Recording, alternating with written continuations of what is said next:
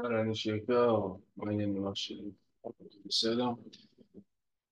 אני רואה הרבה חיילים, בכלל גברים, שנעשים עם ראשון, שם יש הרבה מאוד אה, קהל וצופים, ויאללה, שתהיו מבסוטים, חברים שלי. ברוכים הבאים לפודקאסט המתכון לגוף של שואה, פודקאסט שעוזר לתיכוניסטים, וצריך להחליף את זה ללוחמים, לגברים, כל מי שרוצה גוף רזה, כל מי שרוצה נוכחות מסיבית, שישימו אליו לב, שיבלוט, שבחיים בחיים לא יאיימו עליו, לעלות במסה בלי לדחוף אוכל בכוח, תוך 12 שבועות, בדרך כלל מגיעים תוך 12 שבועות אצלי בליווי לחמישה קילו, קוראים לי רון וינדר ועזרתי לאלפי גברים לעלות במסה, יש לי שיטה שעובדת לכל בן אדם שהוא לא משנה מה הוא ניסה, יש לי שיטה וזה מוכח מי שרוצה. יכול להיכנס לרון וינדר, co.il, לראות שם תוצאות. ואני מעל לשש שנים בתחום הפיתוח גוף והיום בפרק אני רוצה לדבר איתכם על ספר ספר מצמרר ספר נקרא האיש הכי מאושר בעולם של אדי ג'קו גילוי נאות, אני קורא הרבה ספרים בכל מיני תחומים, בוא נגיד ביוגרפיות, מדריכים ועצות לרוב.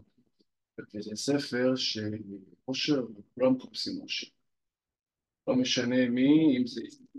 וואו, שמעו אותי עד עכשיו, אין בעיה. אוקיי, בוא נחזור אחי. אני אומר, כולם מחפשים אושר, לא משנה אם אנחנו אנשים מבוגרים, צעירים, קטנים, פרופסורים לאושר, כולם, כולם מחפשים את זה. והספר, האיש הכי מאושר בעולם, הוא ספר שואה, שבחיים לא קראתי. אני לא אוהב לראות, אה, סבתא שלי ניצולת שואה, וכל הדברים האלה מצמררים. אני חושב שבעולם שלי זה עולם אוטופי. שזה עולם שהכל טוב, שאין דאגות, אין צרות, הכל סבבה. אני גם לא רואה חדשות, אז בגלל זה אני גם לא אוהב את כל הדברים כביכול הרעים, אבל זה ספר שה... גם הפנים שלו וגם הכותרת משכו אותי. אמרתי, וואלה, את הספר הזה אני אקרא, כי גם היה עליו דירוגים. אני, מי שלא יודע, אני קורא את כל הספרים שלי באתר עברית. אה, מזמין באמת אה, אין לי שם מניות או דברים כאלה, מזמין אתכם באמת, לי זה עושה טוב, לי זה ממלא את הנפש, לי זה עוזר להעביר את הזמן שצריך, וכמובן אני גם לומד משם הרבה, וספרי שואה אני לא קורא, וזה היה ספר שואה שהוא די מצמרר, הוא מספר שם על כל מיני חוויות שהוא עבר, שהן לא בהכרח אה, כיפיות וטובות לעיכול, כמו למשל כמה דוגמאות. היה פעם אחת שהוא סיפר שהם היו במחנה השמדה, והנאצים פתחו את השערים, אמרו לחבר'ה, חבר'ה, מי שרוצה יכול לברוח. פתחו את השערים, היהודים התחילו לרוץ, והנאצים טה-טה-טה-טה-טה-טה ירו בהם. כאילו, ממש כמו איזה רולטה, טה-טה-טה-טה-טה-טה, פירקו להם את הצורה. ליהודים, יש כאלה שיהודים שמתו, יש כאלה שלא, כאילו שיחקו איתם. היה עוד איזה מקרה אחד שהוא מסביר שהעלו אותם לרכבת, ובאחד הפעמים אמרו, חבר'ה, יש לכם פה ל-150 איש בקרון, יש לכם איזה 10 ליטר, תסתדרו איך שאתם רוצים, וגליל נייר טואלט אחד. אז אבא שלו היה חכם, אמר, חבר'ה, בואו נעשה כזה דבר. כל אחד יקבל עכשיו אה, גליל נייר טואלט, ומה שהיה לו גליל נייר טואלט, הוא הביא לכל אחד שתי כוסות, זאת אומרת שתי uh, ניירות טואלט. והוא אמר להם, חבר'ה, בהתחלה, על הבוקר, מש... כאילו כל אחד יש לו שתי כוסות מים ביום. עזוב את זה, לאכול לא היה שם בכלל על מה לדבר. שתי כוסות מים ביום, הביא לכל אחד שתי ניירות טואלט. הוא אמר, מי שרוצה על הבוקר לשתות, שיביא לי אה, את הנייר טואלט, ובערב גם יש לך שם אופציה לשתות עוד פעם. וזה מה שזה עזר להם. שימו לב לתחכום, שימו לב לאסטרטגיה כביכול, אה, לוקחים את זה בעיקר לעולם הביזנס, אבל הנה, גם שם, בדברים ובשפל הכי הכי גרוע, גם שם היה לנו את כל העניין של האסטרטגיה, שנייה לחשוב, לא לעבוד כמו אה, חיות אדם, כמו הנאצים, וכן, בסוף הם הסתדרו וכן, הם המשיכו להתקדם. ואני באמת רוצה שניגע קצת בתובנות של הבחורצ'יק היקר הזה. אה, ובואו נתחיל, באמת בואו נתחיל. הוא אמר שאבא שלו היה נוהג לומר שיש יותר סיפוק בנתינה מאשר בקבלה. אבל יש דברים יותר חשובים ב- מכסף. אני לא מזלזל לגמרי בכסף, כסף זה דבר שהוא חשוב, אבל הוא רק אמצעי בחיים. יש דברים שאי אפשר לקנות בכסף, כמו חברים, משפחה ונדיבות. עכשיו, איך זה בא לידי ביטוי אצלי בחיים? חברים, כל שבוע אנחנו נפגשים, לא משנה מה, לא משנה באיזה סיטואציות אני אהיה, כמה לחץ או כמה... אה, לא יודע, אם זה בלימודים שהיה שם עומס, לא משנה מה, אני תמיד הקדשתי לזה זמן. פק"ל ב- ביומן לפחות או חמישי או שישי, כי שבת אני בדרך כלל לא אוהב לצאת, כי אני למחרת אני אוהב לקום מוקדם, אבל חמישי או שישי, ואני יוצא בכיף, בלי הגבלות, בלי דברים. יום חמישי יושבים, עכשיו אני כבר אה, אומנם עוד לא ילד, אני תמיד ילד יישאר בנפשי, אבל יוצאים, נהנים. לא מגביל את עצמי בזמן, מגיע, מתפרק, אוכל אה, שטויות, אוכל חטיפים, הכל טוב, כי נהנים, זה הכל בסופו של דבר חוויה. ואם זה במשפחה, משפחה כל, שב, כל שבוע, באמת זה משהו שהיה לי מאוד מאוד חשוב. אמרתי להורים, תקשיבו, בואו נעשה יום שישי, שבת, בואו נקבע שעה מסוימת שכולם יהיו נוכחים. עכשיו, אנחנו רובנו במשפחה נוכחים בשעה, זה תמיד בשעה שתיים בצהריים, ויושבים ומדברים וצוחקים, ואני שותה ככה איזה כוס יין, אז אני קצת מסטול ואיזה צחוקים, אבל מה שמשנה בסופו של דבר זה האחדות, זה הביחד, זה הלשתף, זה ה- להבין שהדברים האלה הם לא מובנים מאליהם. במיוחד עכשיו, שאני מקליט את זה, בדיוק עכשיו היה את ה... כל הזוועות של השביעי לאוקטובר, שמשפחות שלמות נגדעו, נהרגו אנשים, נהרגו, נחטפו. וצריך להבין שזה לא מובן מאליו הדברים האלה. חברים אי אפשר לקנות בכסף, פשוט אי אפשר. או שיש לך, או שאין לך, או שאתה מנסה להתחיל להתחבר עם אנשים. אני אומר לכם, יש לנו את החבורה שלי שהיא מגובשת, אנחנו כבר למעלה משנים שיוצאים כולם ביחד. כמובן, יש את הגרעין, פעם היינו עשרה חבר'ה, התחלנו להצטמצם לחמישה-שישה, אבל בסופו של דבר, מה שחשוב באמת, זה. מבחינתי, אני לא מחפש כמויות. פעם הייתי כל כך רוצה תשומת לב, שהייתי בא, מתחיל לדבר עם אנשים, היי, מה קורה, בפייסבוק שולח להם הודעות.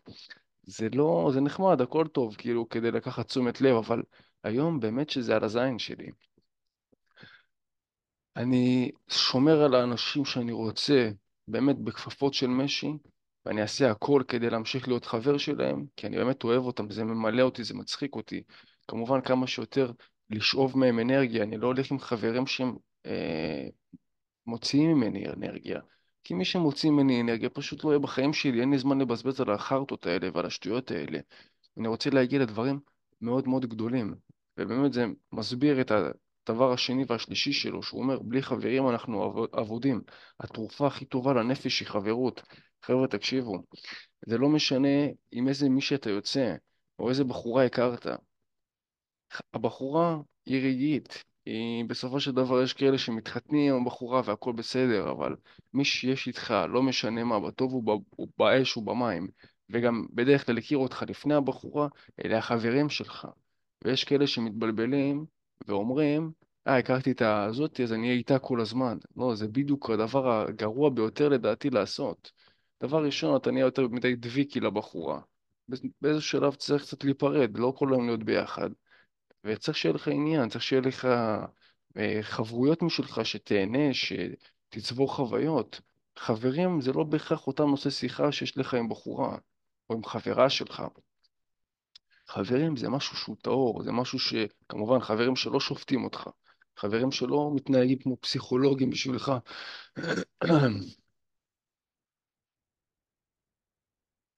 וכל הזמן אה, רק מטיפים לך. אני מדבר איתך על חברים שאתה בא איתם ובאמת מדברים גם על דברים של עומק, הם גם אה, מנסים לי, סבבה, ככה מדברים איתך ונופקים לך כל מיני עצות, אבל אני אומר, בסופו של דבר אנחנו צריכים להבין שאנחנו רוצים אחרי הפגישה עם החברים לשאול את עצמם, את עצמנו, תגיד, הם טענו ממך אנרגיה? אתה מרגיש שאתה מלא יותר? אתה מרגיש שאתה פחות מלא?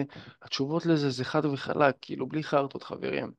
אם זו התשובה היא כן, מעולה, תמשיך איתם. אם התשובה היא לא, ואתה אומר, בואנה, החבר'ה האלה מעייפים אותי. אני חוזר אחרי היציאה, עזוב, ב- ביציאה עצמה אני מתחיל להתעייף. הנושא שיחה הם בכלל לא נושא שיחה שאני אוהב לדבר, כאילו, הם אולי חבר'ה שכירים ואני רוצה להיות עצמאי, או שהם עצמאים ואני שכיר, אנחנו לא באותו ראש. אנחנו לא מדברים על אותם נושא שיחה כבר, אין עניין, אתה אומר, בואנה, החבר'ה האלה, כאילו... אין לי שום עניין איתם יותר, אז אולי לפעמים עדיף לנתק מגע. אחי, אני יכול להגיד לך שאני, כשהייתי באריאל, לא היה לי שם חברים, ואני בן אדם מאוד חברותי, ומאוד אה, אוהב את הבריות, ומאוד אוהב להסתלבט, ומאוד אוהב לצחוק. אבל הרגשתי שהחברים שם, גם כי היה לי ביזנס אז באותה תקופה, הרגשתי שהם מקנאים בי, הרגשתי שאין לי שם יותר מדי אה, כתף תומכת, וחבר'ה באמת להתפרק איתם, ו- ולשתף אותם בדברים. יותר מזה, אני אגיד לך, יש שם איזה מקרה אחד שאנחנו באים, אה, רצינו ככה, אתה יודע, זה היה איזה שנה ראשונה של התואר וזה, ואני גרתי במעונות, והיו לי איזה שתיים שלושה חברים מהתואר, שגם, אתה יודע, זה חברים, זה מכרים כאלה שאתה סבבה איתם וצחוקים והכל טוב. ואמרנו, יאללה חבר'ה, בואו ניכנס לדירה ביחד.